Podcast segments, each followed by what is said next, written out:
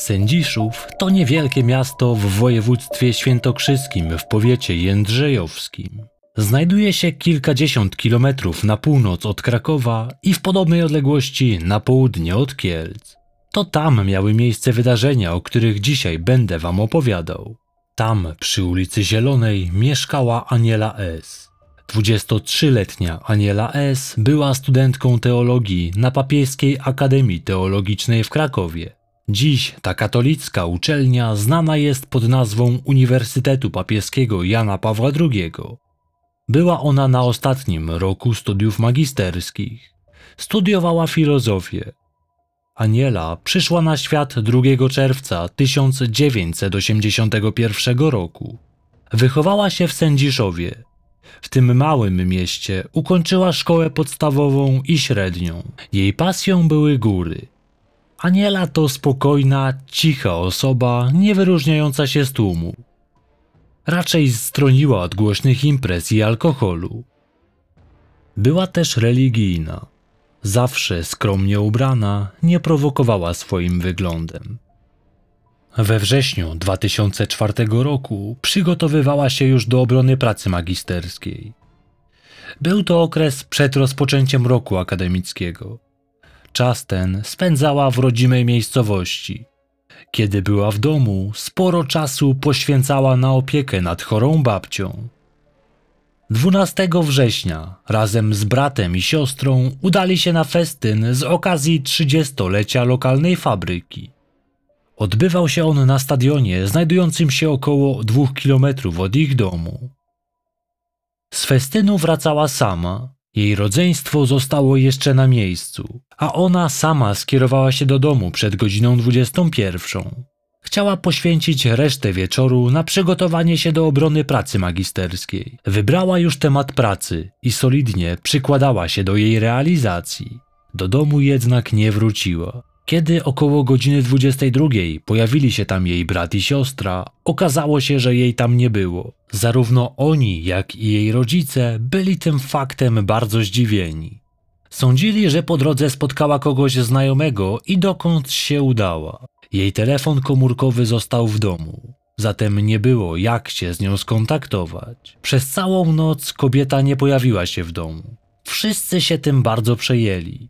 Nie było w jej stylu znikanie bez słowa wyjaśnienia. Podejrzewali, że coś musiało się jej stać. Wczesnym ranem rodzina postanowiła udać się na posterunek policji, by zgłosić zaginięcie bliskiej. W tym samym czasie na osiedlu na Skarpie, oddalonym o kilkaset metrów od rodzinnego domu Anieli, dokonano makabrycznego znaleziska. Mężczyzna udał się na spacer z psem. Zwierzę ciągnęło właściciela w kierunku pobliskich krzaków. W nich znajdowało się ciało młodej kobiety. Nie żyła. Miała bose nogi. Ubrana była w czarną bluzkę, odchyloną w taki sposób, że odsłonięta była część jej ciała. Miała zsunięte czarne spodnie. Była pobita i zakrwawiona. Mężczyzna, który ją znalazł, zgłosił sprawę na policję. Szybko ustalono, że była to Aniela, która minionego wieczoru nie wróciła do domu. Została zamordowana. Dokonano oględzin miejsca zbrodni. Kilkadziesiąt metrów od miejsca, gdzie leżało ciało, znaleziono buty, które należały do ofiary. Nieopodal krzaków leżała torebka i pasek od spodni Anieli. Sekcja zwłok wykazała, że ofiara zginęła w wyniku uduszenia. Zabójca pozbawił ofiary życia, używając paska od spodni, które kobieta miała na sobie. Przed śmiercią sprawca dopuścił się gwałtu. Nie zostawił żadnych śladów DNA. Najprawdopodobniej sprawca zauważył ją idącą samą wieczorem. Zaatakował ją w miejscu, gdzie znaleziono jej buty, a następnie zaciągnął ją w krzaki. Sprawca zabrał pierścionek o wartości około 10 złotych który miała na palcu, a także zegarek o podobnej wartości. Jednak zdecydowanie rabunek nie był motywem zabójstwa. Sprawca działał z pobudek seksualnych. Kto dopuścił się tej zbrodni? Ustalenie tego należało do policji. Przesłuchiwano dziesiątki świadków. Dwunasty dzień września był bardzo ciepłym dniem. Wieczorem większość mieszkańców okolicznych blokowisk miała pootwierane okna. Ktoś musiał słyszeć dźwięki towarzyszące zbrodni, która miała miejsce tuż pod oknami. Kto mieszka w bloku, ten doskonale wie, jak głośno słychać wszystko, co dzieje się w pobliżu. Mimo wszystko, większość mieszkańców bloków twierdziła, że nic nie słyszała.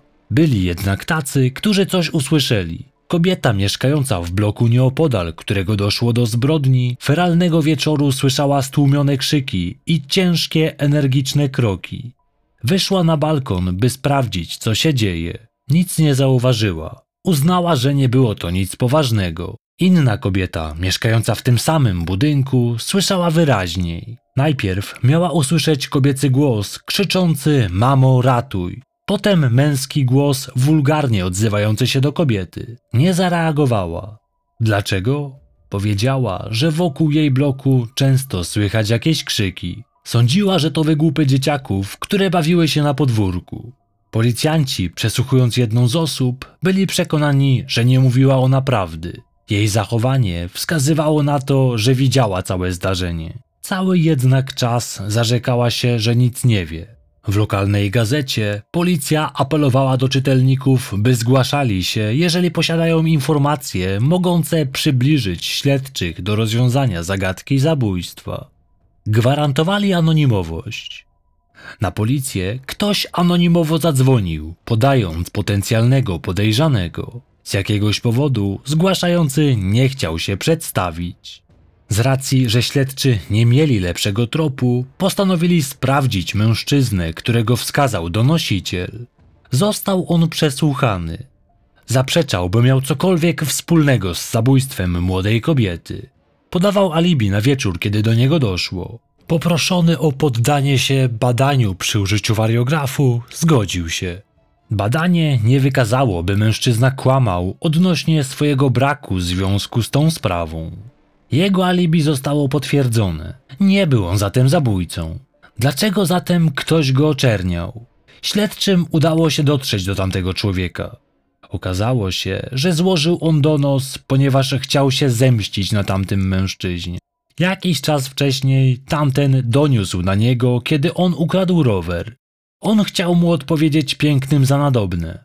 Tyle, że w przypadku roweru zgłaszający poświadczył prawdę. Tym razem było inaczej. Komenda policji w Kielcach wyznaczyła 5 tysięcy złotych nagrody za pomoc w odnalezieniu sprawcy zabójstwa Nieri. Zakładano, że ktoś z okolicznych mieszkańców musiał wiedzieć coś więcej niż mówił. Być może nagroda otworzy usta dotąd milczących świadków. Niestety nie przyniosło to pożądanego efektu. Sprawdzono jeszcze cztery inne osoby, które znalazły się w kręgu podejrzewanych. Żadna z nich nie miała z zabójstwem nic wspólnego. Przesłuchanie przy użyciu wariografu tylko upewniło śledczych, że mówili prawdę. Sprawę przedstawiono w programie 997. Tym samym nagłośniono ją na cały kraj. W grudniu policja otrzymała anonimowy telefon w innej sprawie. Doszło do gwałtu. Ofiarą była 40-letnia Monika J. Została zaatakowana na boisku szkoły podstawowej. Napastnik zaatakował ją od tyłu. Steroryzował ją nożem, a następnie zaciągnął w krzaki. Tam dopuścił się gwałtu. Napastnik pastwił się nad czterdziestolatką przez półtorej godziny. Ofiara przeżyła tę napaść. Gwałciciel na koniec jeszcze ją okradł. Kobieta zwróciła się do siedzących na ławce ludzi o pomoc w złapaniu jej oprawcy, który chwilę wcześniej uciekł, przemykając tuż obok nich. Oni jednak odmówili. Monika od razu zawiadomiła policję o tym zdarzeniu. Co ciekawe, w jednym ze źródeł podano, iż świadkami tej sytuacji była para zakochanych. Mimo krzyków zaatakowanej kobiety nie zareagowali. Uznali, że nie była to ich sprawa i nie chcieli się wtrącać. Okazało się, że do podobnych napaści dochodziło w okolicy od jakiegoś czasu. Okoliczni mieszkańcy obawiali się, że grasował tam seryjny gwałciciel. Najprawdopodobniej mieszkał on w okolicy i wielu z nich nieświadomie mijało go każdego dnia. Wieczorem, kiedy doszło do ataku na Monikę J., mężczyzna, który zadzwonił na policję, spotkał się ze swoim kolegą Rafałem. Kiedy pierwszy raz się spotkali tego dnia, obaj nie mieli pieniędzy na piwo. Kiedy dwie godziny później spotkali się ponownie, Rafał miał przy sobie plik banknotów i chętnie wydał je w pubie. Nie powiedział skąd nagle wziął pieniądze. Kolega później skojarzył to z napaścią, o której było głośno. Zachowanie Rafała wydało mu się podejrzane w kontekście tamtej zbrodni. Policja nie zignorowała tego tropu. Zwłaszcza, że mężczyzna był w przeszłości notowany. Postanowili go zatrzymać i przesłuchać. 16 grudnia 2004 roku zatrzymano 26-letniego mieszkańca Sędziszowa. Nazywał się Rafał Rosu. Nie trzeba było długo czekać, by mężczyzna przyznał się do napaści na Monikę J. Ze szczegółami opowiadał o jej okolicznościach. Zauważył kobietę i zaatakował ją od tyłu. Chwycił ją za szyję i uderzył pięścią w twarz. Usta zasłonił ręką, by nie krzyczała. Zaciągnął ją w krzaki na uboczu, by nikt ich nie zauważył. Pomimo podniecenia nie osiągnął wzwodu. Postanowił mimo wszystko ją zgwałcić przy użyciu palców. Prócz tego zmusił ją do seksu oralnego. Kiedy już skończył, podrzucił ją w krzakach i odszedł. Przed tym zabrał jeszcze jej portfel, w którym znajdowało się niecałe 100 złotych. Jednak nie był to jedyny atak, za jaki odpowiadał. W przeszłości mężczyzna odsiadywał wyrok za włamanie na stacji PKP i za kradzież. Kiedy wyszedł na wolność, pozostał na przestępczej ścieżce. Niedługo później został zatrzymany za napad i usiłowanie gwałtu. Dopuścił się tego przestępstwa, kiedy był na przepustce w wojsku. Otrzymał wyrok czterech lat pozbawienia wolności.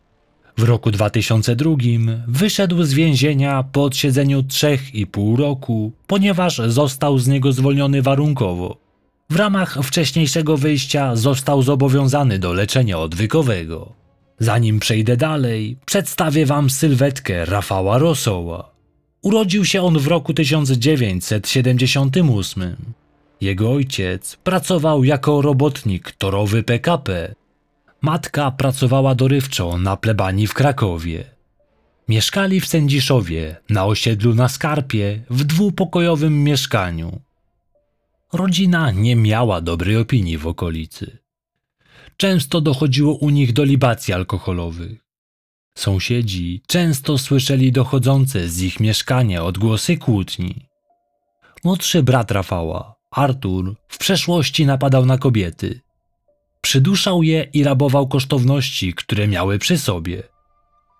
Żadnej ze swych ofiar nie zgwałcił ani też nie zamordował. Trafił do aresztu, gdzie oczekiwał na proces.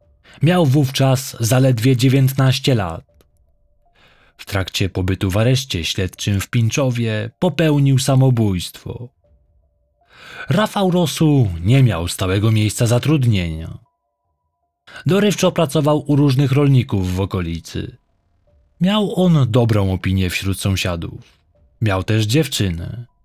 Przyciśnięty przez przesłuchujących Rafał zaczął opowiadać o innych napaściach, których się dopuścił. Wyjaśnienia składał bez cienia poczucia winy. Wypowiadał się w sposób zimny i opanowany. Pierwsza napaść miała miejsce w grudniu roku 2003. Wtedy to w pierwsze święto Bożego Narodzenia zaatakowana została Mariola P. Była to sprawa, w której oskarżono już wcześniej innego mężczyznę. Chorował on na schizofrenię i przypisano mu tamten czyn. Jednak fakty przedstawione przez Rafała dawały podstawy do tego, by to jednak jego uznać za sprawcę. Zaatakował, obezwładnił i zaciągnął ofiarę za garaże, by nikt ich nie zauważył. Był brutalny. Użył noża, którym zadał ofierze kilka ciosów w twarz i ręce. Zgwałcił ją, a następnie zabrał z jej torebki portfel, w którym było 70 złotych, dowód osobisty i legitymacja PKP należąca do Marioli. Nie wiedzieć czemu, winę przypisano choremu na schizofrenię mężczyźnie. Ktoś w tamtej sprawie ewidentnie się nie popisał. W lutym roku 2004 doszło do kolejnej napaści. Miała ona miejsce na osiedlu na Skarpie, gdzie Rafał mieszkał. Tym razem ofiara miała nieco szczęścia.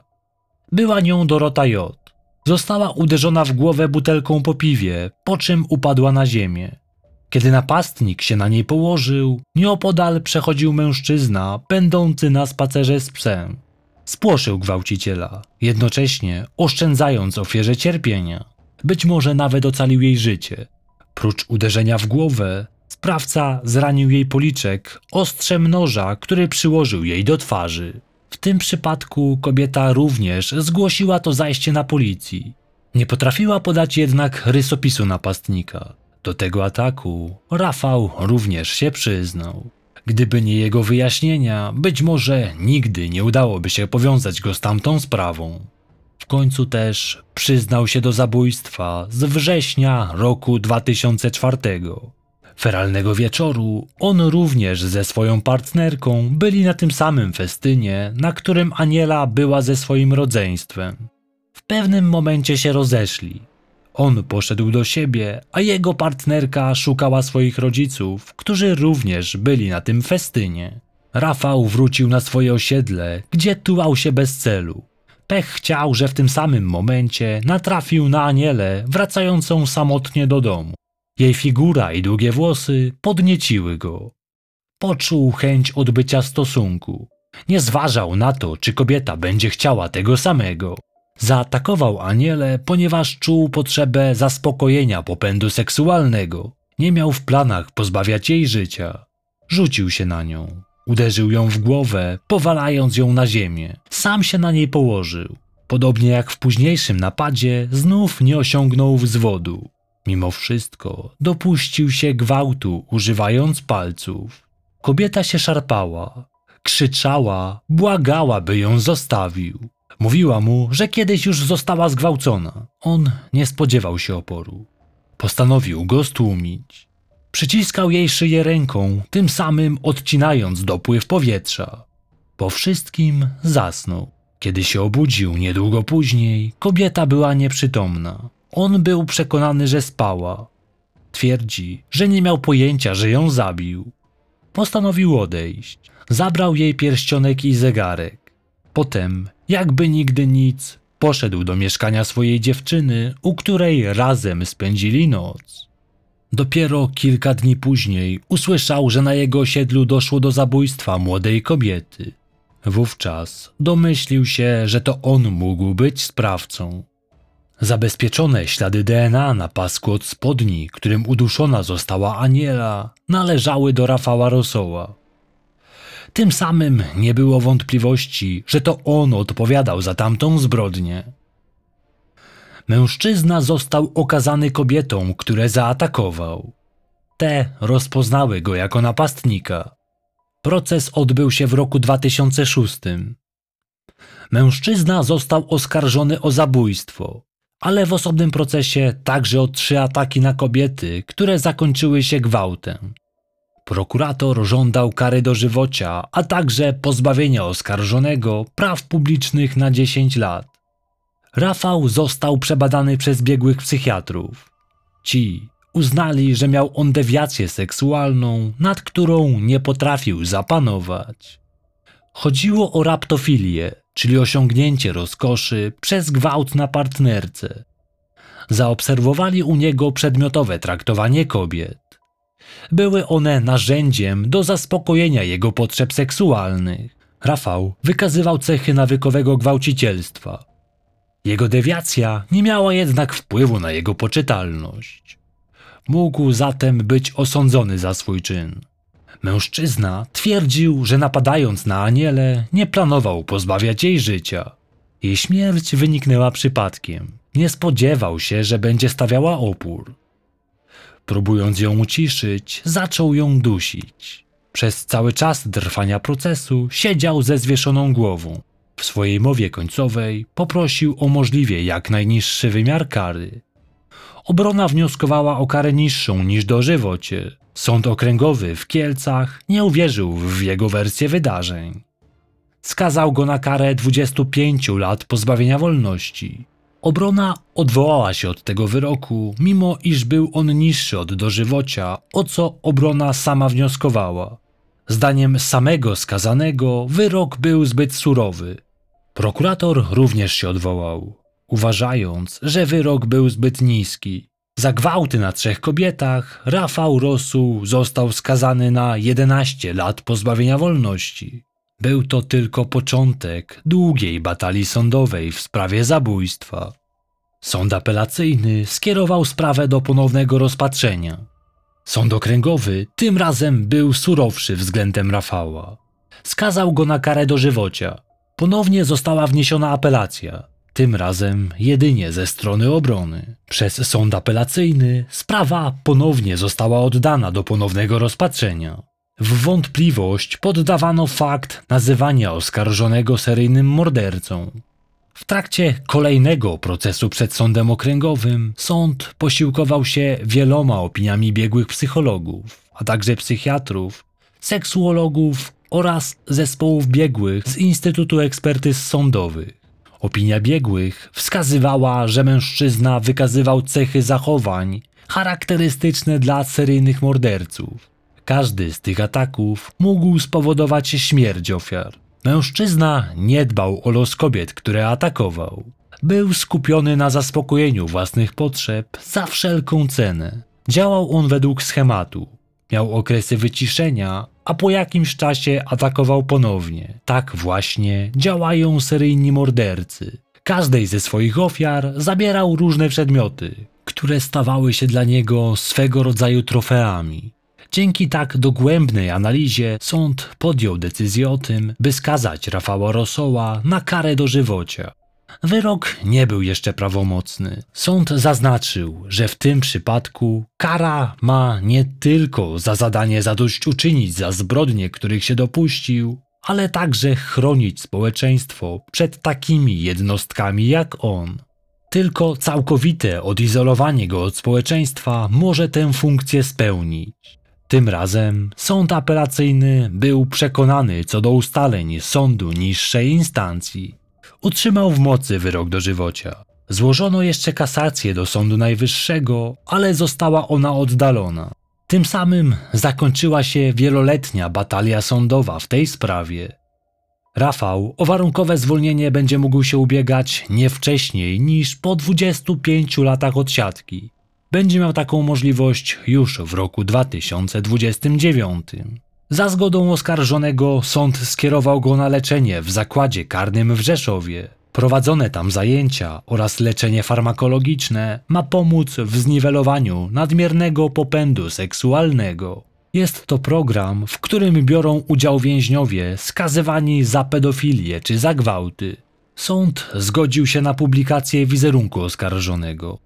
W podcaście zmienione zostały imiona ofiar napaści, które nie zakończyły się zabójstwem. Tematem pracy magisterskiej, którą pisała Aniela, były typy postaw wobec śmierci, a poczucie sensu życia. Problem, którym się zajmowała, stał się niezwykle namacalny dla jej rodziny, kiedy to ona nagle odeszła z tego świata. Zastanawiająca w tej historii jest bezczynność osób, które słyszały krzyki ofiary, a mimo wszystko nijak nie zareagowały. Samo narzuca się pytanie, dlaczego często tak właśnie jest, że świadkowie wolą być głusi na cierpienie innych. Wiem, że większość napisze, że zachowałaby się inaczej. Ale niestety, wcale tak nie jest. Każdego dnia dochodzi do zabójstw, gwałtów, znęcania się nad żonami, dziećmi i tym podobnych historii. Mimo, że w wielu sytuacjach dzieje się to w blokach, gdzie z każdej strony otaczają nas sąsiedzi, rzadko ktoś zareaguje. Myślę, że większość ludzi zwyczajnie boi się reagować, choć pewnie niewielu się do tego przyznaje. Dlaczego? To bardzo złożony temat. Jedną z podstawowych potrzeb w naszym życiu jest potrzeba bezpieczeństwa. W sytuacji, kiedy człowiek zdaje sobie sprawę, że komuś dzieje się krzywda, najczęściej najpierw myśli o sobie. A co jeśli reakcja spowoduje odwet napastnika? Oczywiście, w przedstawionych w tym odcinku sytuacjach to dość irracjonalne myślenie, bo najpewniej wystarczyło krzyknąć z okna, by spłoszyć mordercę. Nikt tego jednak nie zrobił. Nie wierzę, że ktoś mógł pomyśleć, że to wygłupy dzieci czy coś innego. Świadkowie, którzy coś słyszeli, a nie zareagowali, po prostu stchórzyli. Woleli udawać, że to coś innego, niż zrobić cokolwiek. W jednym z wydań gazety Trybuna Ludu podniesiono kwestię braku zaufania okolicznych mieszkańców względem policji. Ich zdaniem funkcjonariusze celowo omijali ciemne miejsca w trakcie patroli. Rzekomo mieszkańcy mieli nie lubić ówczesnego miejscowego komendanta policji, ale czy jest to powód, dla którego nikt nawet nie spróbował ocalić życia młodej kobiety?